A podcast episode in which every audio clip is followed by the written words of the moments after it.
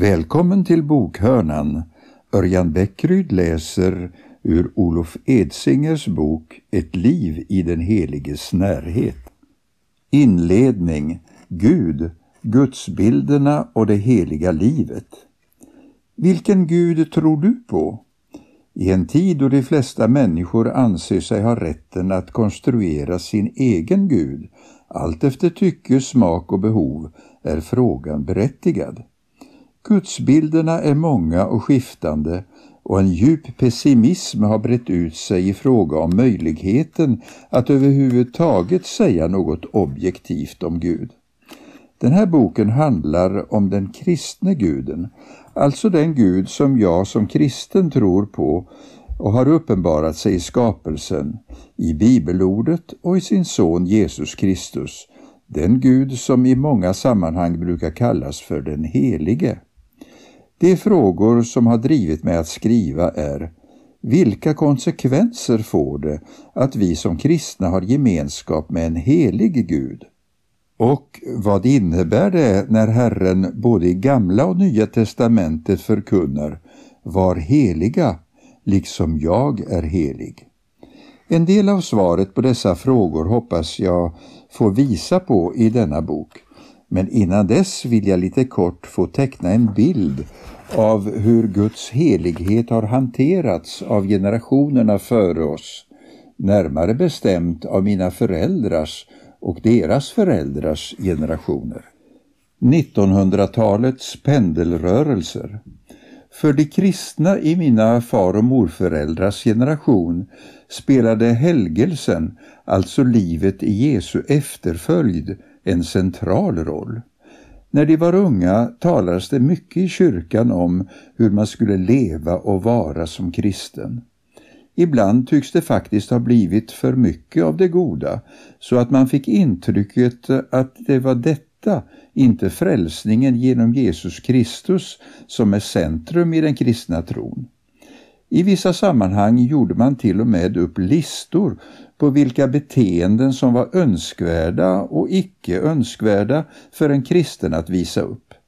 Till de goda reglerna hörde sådant som att ta ansvar för sin familj, att offra pengar till missionen och att inte missbruka alkohol.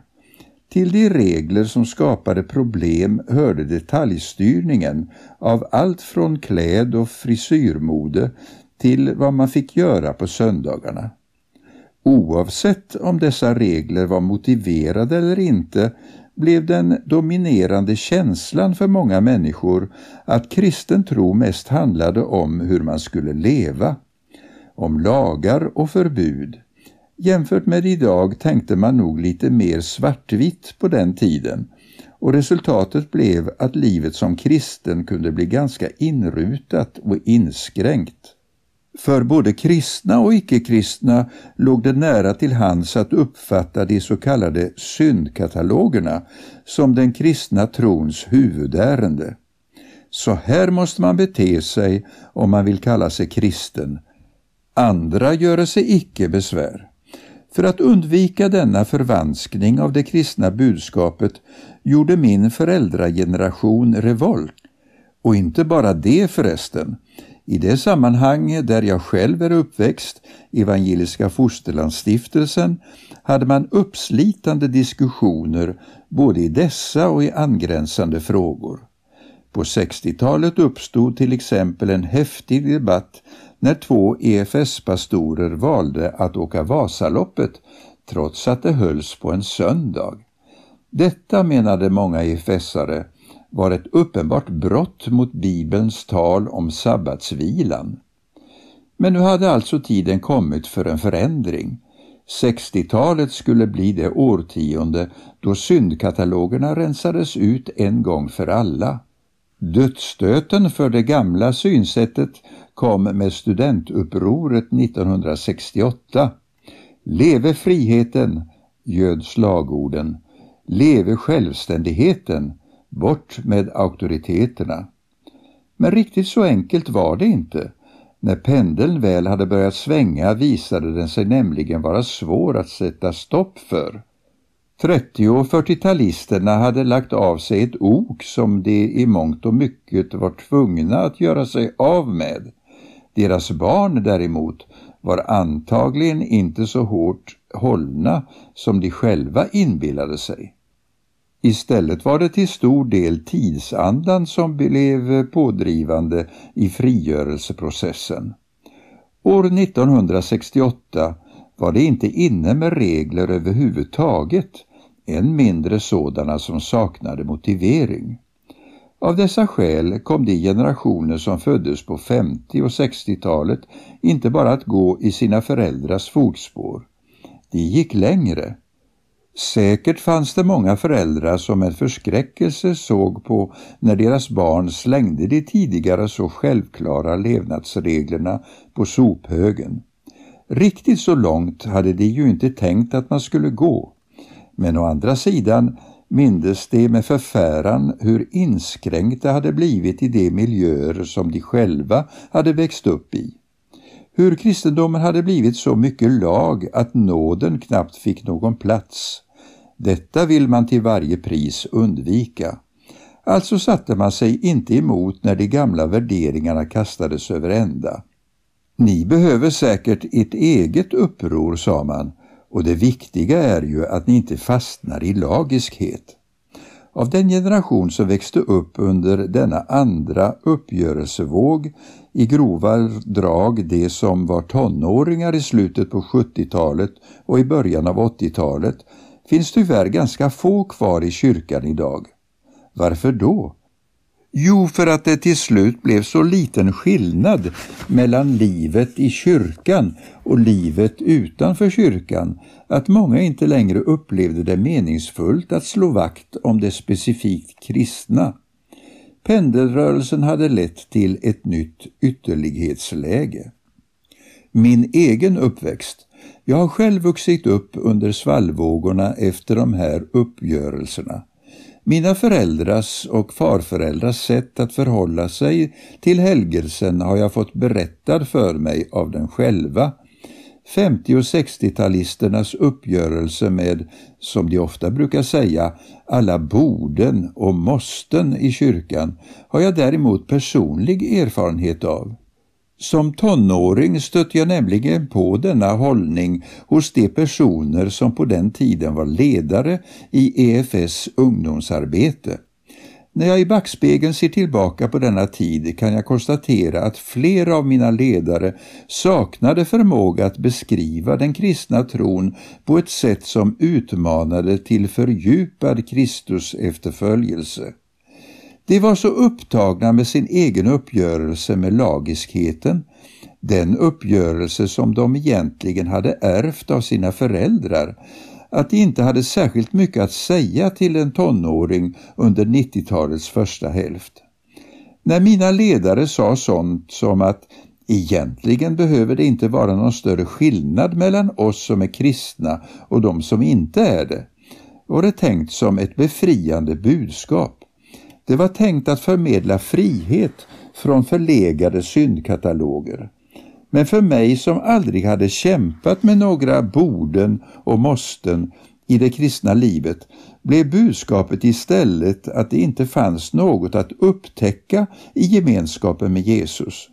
Den logiska slutsatsen var helt enkelt att det kristna budskapet var ganska ointressant. Att det här inte bara var min egen upplevelse utan också många andras kan vi se om vi tittar på det som på många håll blev frukten av denna undervisning. Det är med sorg som jag kan konstatera att en stor del av de ungdomar som på den här tiden var aktiva i kyrkan inte längre är med i någon kristen gemenskap. Min egen tolkning av detta är att man helt enkelt tog sina ledare på orden det är ingen större skillnad mellan dem som är kristna och dem som inte är det. Alltså, varför bry sig? Bland annat till följd av vad jag nu har beskrivit råder det i många kristna rörelser ett slags vakuum i fråga om Guds helighet och det heliga livet. Särskilt i miljöer som blivit präglade av 68-generationens tänkande tycks man sakna både viljan och förmågan att ta denna del av Bibelns budskap på allvar. Helt följdriktigt har både förkunnelsen och församlingsgemenskapen blivit ytligare, mer förutsägbar och mer politiskt korrekt än vad som tidigare var fallet. Som en motreaktion till denna trend har det på senare tid vuxit fram ett antal nya andliga rörelser och eller mötesplatser i Sverige. Till formen ser de olika ut, alltifrån hyperkarismatiska till stillsamt inåtvända. Men deras gemensamma nämnare är att de sätter strålkastarljuset både på den helige guden och det heliga livet. Min förhoppning med denna bok är att få tala både till dem som har sökt sig till någon av dessa rörelser och mötesplatser och till dem som tillhör ett mera traditionellt kristet sammanhang. I mitt skrivande har jag lyft fram de perspektiv som jag uppfattar som centrala för författarna i Gamla och Nya testamentet. Jag har försökt peka dels på den brottning, dels på de drömmar och löften som knyter an till deras vision om det heliga gudsfolket. Eftersom jag är uppvuxen i EFS har det varit naturligt för mig att skriva med det luttisk-pietistiska arvet som utgångspunkt alltså den strömfåra av andligt liv som på 1800-talet växte fram runt personer som Karl Olof Rosenius och Lina Sandell. Men jag står även i tacksamhetsskuld till flera andra kristna traditioner. Bland annat har jag tagit intryck av den reformerta teologins betoning på Guds ära samt av personliga erfarenheter från den karismatiska rörelsen. Slutligen har jag hela tiden haft pendelrörelserna som har präglat 1900-talets svenska kyrkohistoria i åtanke. I kontrast till äldre tiders inrutade kristenliv har jag försökt visa på en Gud som vill förvandla oss inifrån och ut snarare än genom helgelsescheman och syndkataloger. I kontrast till 68-generationens uppror mot alla auktoriteter har jag försökt visa på en Gud som i en mängd olika bibelsammanhang ger oss en kallelse till lärjungaskap och till lydnad för sin vilja. Mer än något annat har jag dock velat peka på den koppling som finns mellan helgelsen och den helige guden. Att leva som kristen är att leva i gemenskap med den Gud som har skapat oss och ett möte med honom får konsekvenser för vårt sätt att tänka, tala, handla och prioritera. Med den här boken har jag försökt ringa in vilka dessa konsekvenser kan tänkas vara. En helig Gud, den radikalt annorlunda.